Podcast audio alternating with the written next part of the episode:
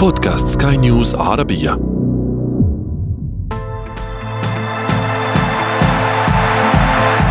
أثير الكرة.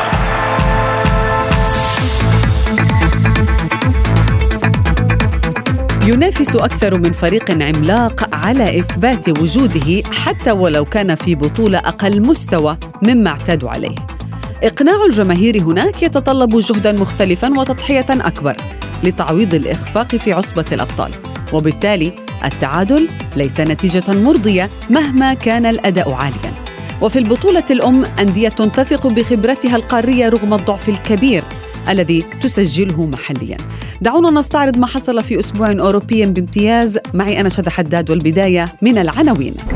قمة اليوروبا ليج تنتهي بتعادل الشياطين في معقل برشلونة واليوفي يواصل مسلسل المعاناة في تورينو. جولة حاسمة من ال Champions League تكشف كارثة تشيلسي و PSG والبافاري نجم الأسبوع. وفي فقرة ما لا تعرفونه عن كرة القدم نكشف لكم قصة النسر بنفيكا الذي ظن المزارعون أنهم طردوه من بيتهم. تغيير الكرة.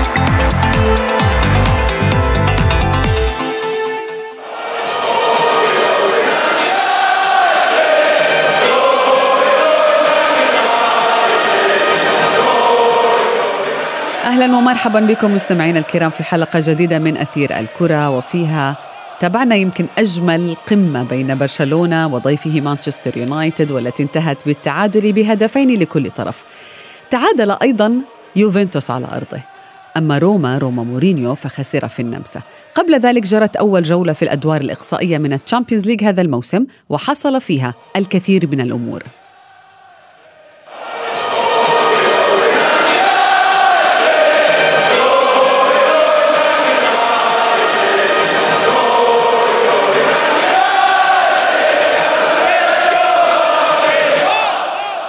رحبوا معي بضيفي الصحفي الرياضي أحمد نجيب. أحمد أهلا بك. أريد أن أبدأ من ال Europa League.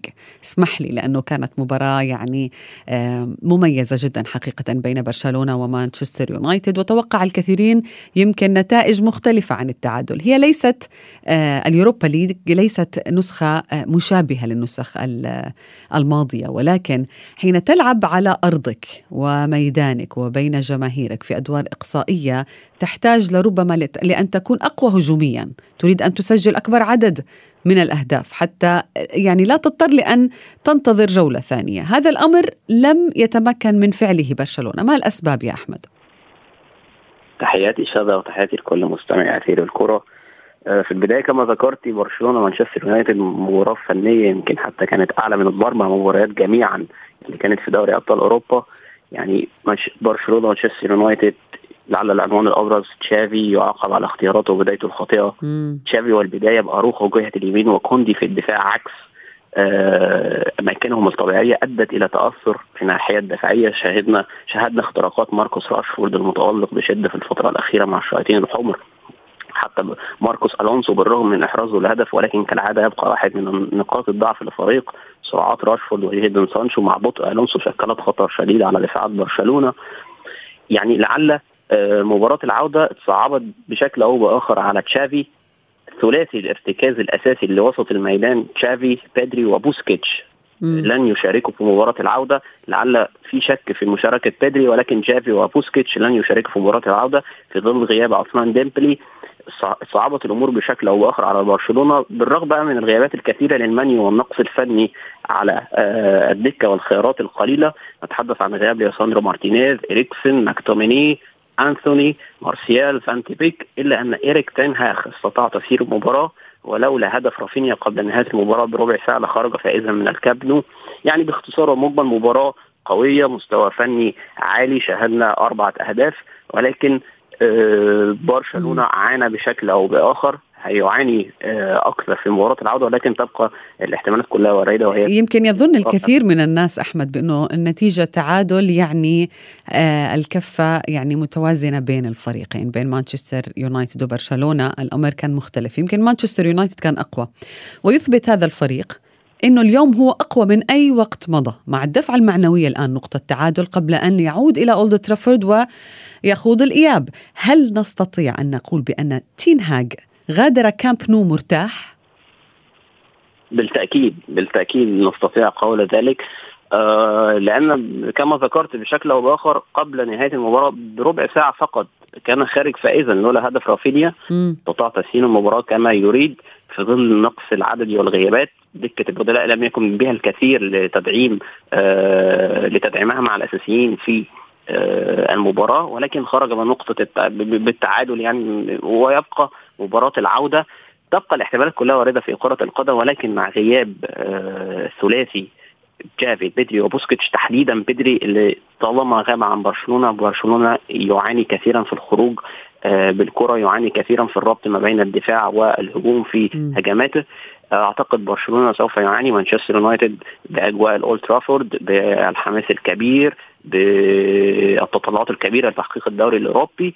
أعتقد إن مانشستر يونايتد نوعا ما خرج مرتاحا. إيريك تين هاج خرج مرتاحا ولكن يبقى له مباراة قوية في الدوري الإنجليزي. الاستشفاء السريع من هذه المباراة في الدوري الإنجليزي والتح... و التخطيط الجيد لمباراة برشلونة ضغط ضغط كبير سيعاني منه الفرق هذه الفرق في الأسبوع المقبل. أحمد لماذا يشعر مانشستر يونايتد دائما بالرعب أو الخوف عندما يلعب في كامب نو. لم يستطع هذا الفريق أن يحقق الفوز في هذا الملعب.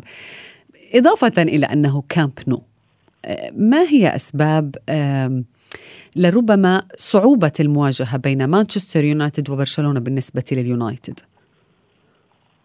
الملعب له الإرث الكبير حتى شكل المدرجات الجماهير اللي بتحضر. مانشستر يونايتد لا نستطيع قول هذا لأن في الآخر بعد رحيل السير أليكس فيرجسون تعرض للكثير من التخبطات من الخبطات تغيير مدربين عديدين مدارس مختلفة آه لاعبين جم ورحلوا آه فأعتقد هي بسبب ذلك. ما فيش تشكيلة أساسية ثابتة ما فيش استمرارية ثابتة آه لا نستطيع أن نقول هناك لاعب مع مانشستر يونايتد يتواجد بقاله ست خمس سنوات فله الحس القيادي مع المجموعة للخروج ببر الأمان مثل هذه المباريات. أعتقد هي توليفة من اللاعبين الشبان. نتحدث عن جيدون سانشو راشفورد و وبقية الرفقاء حتى فريد وما إلى ذلك وكاسيميرو. كلهم يعني نوعا ما لم يخوضوا مع بعض غمار هذه البطولة مع نفس الفريق لسنوات متتالية. تحدي كبير ولكن في الأخير استطاع مانشستر يونايتد بارسال الخروج بنقطه التعادل لاراحته في مباراة الإياب بشكل أو بآخر يعاني في الإحصائية من الخروج بفوز أمام برشلونة ولكن يبقى الأمر أنه خرج بنقطة بالتعادل يعني وفي مباراة العودة الحسم أعتقد في الأورد ترافورد يعني نوعا ما في كفة مانشستر يونايتد. نعم أحمد هل نستطيع أن نقول بأنه تشافي يتعلم أحيانا من أخطائه؟ يعني نشاهد بأنه فريق برشلونة بات في الفترة الأخيرة يفوز بهدف يفوز بهدف ومن ثم يعود للدفاع يعني له فترة طويلة لا يفكر تشافي بالمزيد من الأهداف وإنما بالمزيد من الانتصارات. هذا الأمر قد لا يفيده في مباراته أمام مانشستر يونايتد. هل يغير مرة أخرى تشافي؟ هل يقتنع بأنه التغيير مهم في هذه المباراة؟ أكيد أكيد. يا تشافي عليه تغيير نوعا ما من فكرته. فكرة الكرة الشامله لن تأتي من يوم وليلة بشكل سريع. بداية مشروع تشافي إلى حتى الآن هو يظل يتشكل. لم يضع يده على مفاتيح الفريق بشكل أو بآخر كاملة. استطاعته يعني إن هو يحتاج الرجوع إلى الخلف في الأولد ترافورد الاعتماد على الارتداد السريع والمرتدات السريعة لأن في غياب بيدري سيعاني كثيرا في الخروج نعم. للهجمات سيعتمد بشكل أساسي على آه فرانكي ودي يونغ. آه الأمال على دي يونغ ستكون كبيرة جدا. الأمال على رافينيا. آه الأمال على ليفا. أعتقد يعني يجب الاعتماد بشكل أو اخر نعم. بنمط مختلف بأسلوب مختلف وأن يتعلم مثل ما ذكرتي لحسم مباراة مثل مباراة مانشستر يونايتد والتقدم يعني نحن ننتظر مباراة لربما أجمل من التي خاضها الفريقان في كامب نو. ابقى معي أحمد نجي فاصل قصير نعود بعده لمتابعة أثير الكرة.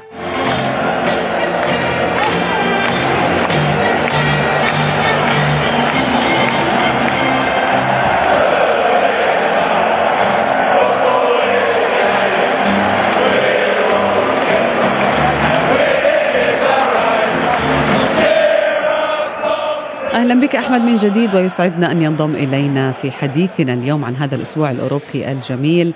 ضيفنا الصحفي الرياضي معتصم يونس أهلا بك معتصم في البداية. ما رأيك بمواجهة برشلونة ومانشستر يونايتد؟ برأيك لماذا لا يفوز الشياطين الحمر في كامب نو؟ ما السر؟ صباح الخير شهادة تحياتي لك ولضيفك الكريم ولكل الزملاء الكرام في بودكاست أثير الكرة عبر سكاي نيوز عربية. في البداية اللقاء مثير ممتع بقيمة مباريات نهائية في دوري الأبطال وهو كما وصف هرب من دوري الأبطال إلى الدوري الأوروبي. ولكن ما هو السر في عدم انتصار اليونايتد في الأمس أو لربما حتى في السنوات الأخيرة أو في عديد المواجهات السابقة بين كلا الفريقين؟ لربما في بعض الأحيان تستشعر بأن الحظ يقف أمامك. ولكن في لقاء الأمس لا أعتقد بأن هناك أي من الفريقين كان يستحق الخسارة قبل أن يكون هناك طرف مفضل بالنسبة لي لكي ينتصر. كلا الفريقين كان على ذات المسافة من التكافؤ من التوازن من ذات الرتم العالي من القوة البدنية من من الإمكانيات المهريه المد الهجومي العالي. كان هناك تركيز واضح وكبير. في بعض الأحيان تفاصيل صغيرة لربما تكون فارقة في المواجهة والتي تؤثر على مسار اللقاء ومن ينتصر ومن يخسر. أنا بتصور الشخصي في لقاء الأمس لو كان هناك حكم آخر غير الحكم الإيطالي. آه، مارياني لربما كان هناك فائز ولربما كان اليونايتد هو الفائز. بصريح العبارة اتحدث لأنك في بعض الأحيان تكون فرصة أخطر من من مجموعة فرص أخرى في المقابل. ولا ننسى في لقاء الأمس بأن اثنين من أفضل اللاعبين تقاسم جائزة رجل اللقاء وهما سواء سواء الحارس تيرشتيجن أو الحارس ديفيد دي خيا لأن بعض هي مباراة الحراس. من مسافة الصفر. نعم بكل تأكيد هناك 13 تصدي حاسم بالنسبة لدي خيا وهناك في المقابل أيضا 11 تصدي بالنسبة لتيرشتيجن بالرغم من من بعض التفاصيل التي لا يراها لربما المتابعين بأن هناك سيطرة هناك استحواذ للنادي الكتالوني هناك إمكانيات أعلى في في تنويع أسلوب اللعب ولكن في بعض الأحيان ما يسمى باللعب المباشر. من ثلاث إلى أربع لمسات أنا أبني الكرة من مرماي إلى مرماك. أصل بشاهد بأن هناك كانت فرص صعبة وخطيرة بالنسبة للنادي الإنجليزي كان قادر على ترجمتها وخاصة الفرصة التي انهالت هنا وهناك وضاعت في الشوط الأول. ولكن بالمجمل العام اللقاء آه، شيق لقاء مثير لقاء متكافئ متوازن. لا أعتقد حتى بأن البرصا كان يستحق أن ينتصر. لربما التعادل عادل تعادل مستحق. ولا ننسى هذا وهي نقطة حساسة للغاية اللي أختم بها حديثي بأن إلغاء قاعدة الهدف بهدفين. مم. قبل عامين من الآن من اليويفا هو من يشعل المنافسة في لقاء العودة صحيح. في بعض الأحيان. مواجهة الذهاب تكون مفتوحة على كل الحسابات التكتيكية ولكن في ضوء نتيجة العودة الآن في في ضوء نتيجة مباراة الذهاب 2 2 هي تعتبر نتيجة تعادل نقطة مقابل نقطة بالتالي أي انتصار لأي من الفريقين في الجولة المقبلة أو في م. الخميس المقبل بحول الله هو من سيعبر ولكن نعم. أنا أرى بأن المأمورية ستكون معقدة وصعبة للغاية دعنا نتوجه لمباراة أخرى أحمد يوفنتوس ونانت يعني يوفنتوس كنا نقول بأنه هاي فرصته الأخيرة حتى آه، يبقى في Champions League أو يتأهل إلى Champions League الموسم المقبل بحكم إنه المهمة شبه مستحيلة في الكالتشيو. يوفنتوس بيستمر مسلسل المعاناة وحتى يمكن روما خسر من ريد بول سالزبورغ الأندية الإيطالية هل ليس لها حظ في ال Europa League مثلا؟ تستمر معاناة اليوفي تستمر معاناة اليوفي والتخبط آه، الفني والإداري لعل بعد عودة كأس العالم استطاع آه، أليجري تحقيق الانتصارات بالنتيجة المفضلة لديه 1-0 اللجوء إلى الدفاع وإحراز الهدف ثم الدفاع المستميت ثم الدفاع. ولكن أتى بعد ذلك قرار خصم النقاط واليوفي بعد كثيرا حتى عن آه، المناطق المؤهلة إلى دوري أبطال أوروبا. الفرصة الوحيدة كما ذكرت شذا اليويفا آه، ليج. ولكن مشاهدتنا لمباراة الأمس شرعي حتى أن اليوفي لن يستطيع حتى فعلها. مباراة شهدت تالق المصري مصطفى محمد assist للهدف التعادل. مباراة جيدة من من مصطفى. ولكن في الأخير يعني واحد واحد آه، نتيجة أمام نانت ليست آه، الأمثل لليوفي. اليوفي يستمر مسلسل التخبط يستمر الأداء الهزيل والسيء. آه، من كتيبة أليجري آه التخبط ما زال مستمر. أعتقد أن اليوفي لن آه يعني يمر بعيدا في هذه المسابقة. روما وحتى بقيادة جوزيه مورينيو استطاع التاهل بشق الأنفس من مجموعته برغم يعني نوعا ما سهلتها بشكل أو بآخر. الخسارة شيء يعني نعم. كارثي روما ينقصه العديد من الزاد البشري حتى لل- للمواصلة في, في هذا الرتم العالي نوعا ما عن الدوري. الإيطالي لبطوله الدوري الأوروبي معتصم ذكر آه، أحمد المهاجم المصري مصطفى محمد والمفارقة الجميلة بالأمس يا معتصم إنه عدد من اللاعبين العرب تألقوا حقيقة سواء تسجيل آه، إمام عاشور مثلا نجم ميتيلاند الدنماركي أيضا هدف لاعب نانت مصطفى محمد ولاعب اشبيليا آه، يوسف نصيري. نلاحظ بأنه هي ليلة تألق هؤلاء النجوم العرب. إلى أي مدى ممكن أن تخدمهم اليوروبا ليج؟ كونها بطولة يتذكر فيها ال- الشخص الجماهير أو حتى المسؤولين بأنه هناك نجوم يجب تسليط الضوء عليها.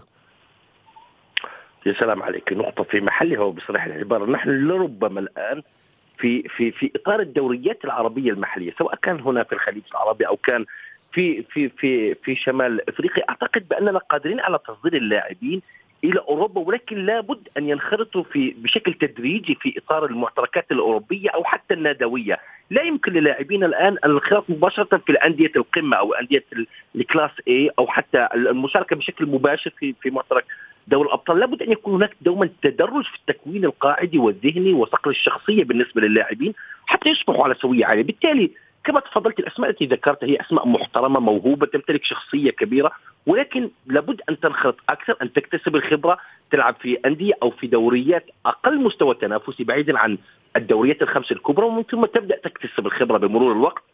هذه العقلية يصبح لديها أسلوب اللعب الاحترافي بشكل كبير وعالي ومن ثم تتدرج في الشكل حتى تصل إلى القمة كما وصل إليه الحال بالنسبة لمحمد صلاح رياض محرز أشرف حكيمي صحيح. الكثير من الأسماء هي تتدرج في عملية الانخراط في عالم كرة القدم الأوروبية لأنه بصراحة هو أصعب معترك وهو يعتبر هو قمة كرة القدم مم. على المستوى النادوي في العالم بالتالي الظروف الآن مهيئة قادرين على البروز في هكذا أندية سواء في إطار آه، الدوري الأوروبي أو حتى في إطار دوري المؤتمر الأوروبي ولكن لدينا لاعبين ناضجين بشكل أسرع من الآخر وهذا شيء لابد دوما من الإشادة به بأن هناك تفارق بين اللاعبين في العقلية، هناك لاعب لربما يصبح ناضج كرويا تكتيكيا وفنيا. في عش- في في سن العشرين وهناك لاعبين بحاجه للخامسه والعشرين وحتى الثامنة والعشرين حتى يصل إلى أفضل مستوياته الفنيه نعم. يصبح قادر على إدراك كيفية مسار اللعبة والتطور والنجاح بها والبروز ومقارنة مختلف اللاعبين حول العالم وخاصة نجوم أمريكا اللاتينية التي نعم. التي بصراحة منذ وصولهم إلى أوروبا يصبحون نجوم كبار. أحمد لابد أن أعود قليلا آم، لمباريات قبل ال Europa League المباريات التي تابعناها في ال Champions League. تشيلسي لم يستطع الظهور بمستوى قوي يكسبه المزيد من المعنويات أو ثقة حتى. رغم إنه المدرب جراهام بوتر أشرك كل الصفقات اللي يعني كان مأمول منها. إنزو فرنانديز اللاعب الأوكراني أيضا وجواو فيليكس. تشيلسي كيف سيعالج هذه الأزمة اليوم؟ من لم يشاهد المباراة وراء الهدف يشعر أن الهدف جاء في الدقيقة 90 أو لقطة بدل الضائع وهو آه، اختصار شديد لما يمر به تشيلسي عدم الخبرة الكافية لمدربه جراهام بوتر خارج أرضية ميدانك في الدقيقة 62 يعني لما كل هذا العدد في منطقة جزاء الخصم هجمة آه، تشتيت للكرة من الكورنر تجعل آه، كريم أديمي آه، أمام أنزو فرنانديز من منتصف الميدان يحرز هدف الفوز لدورتموند. يعني هي خبرة قليلة جدا لعل تتجلى في تصريح جراهام بوتر في أول مؤتمر صحفي لدوري أبطال أوروبا آه، قبل مباراة سالزبورج التي انتهت تعادل واحد واحد أنه عمره ما حضر مباراة لدوري أبطال أوروبا من قبل.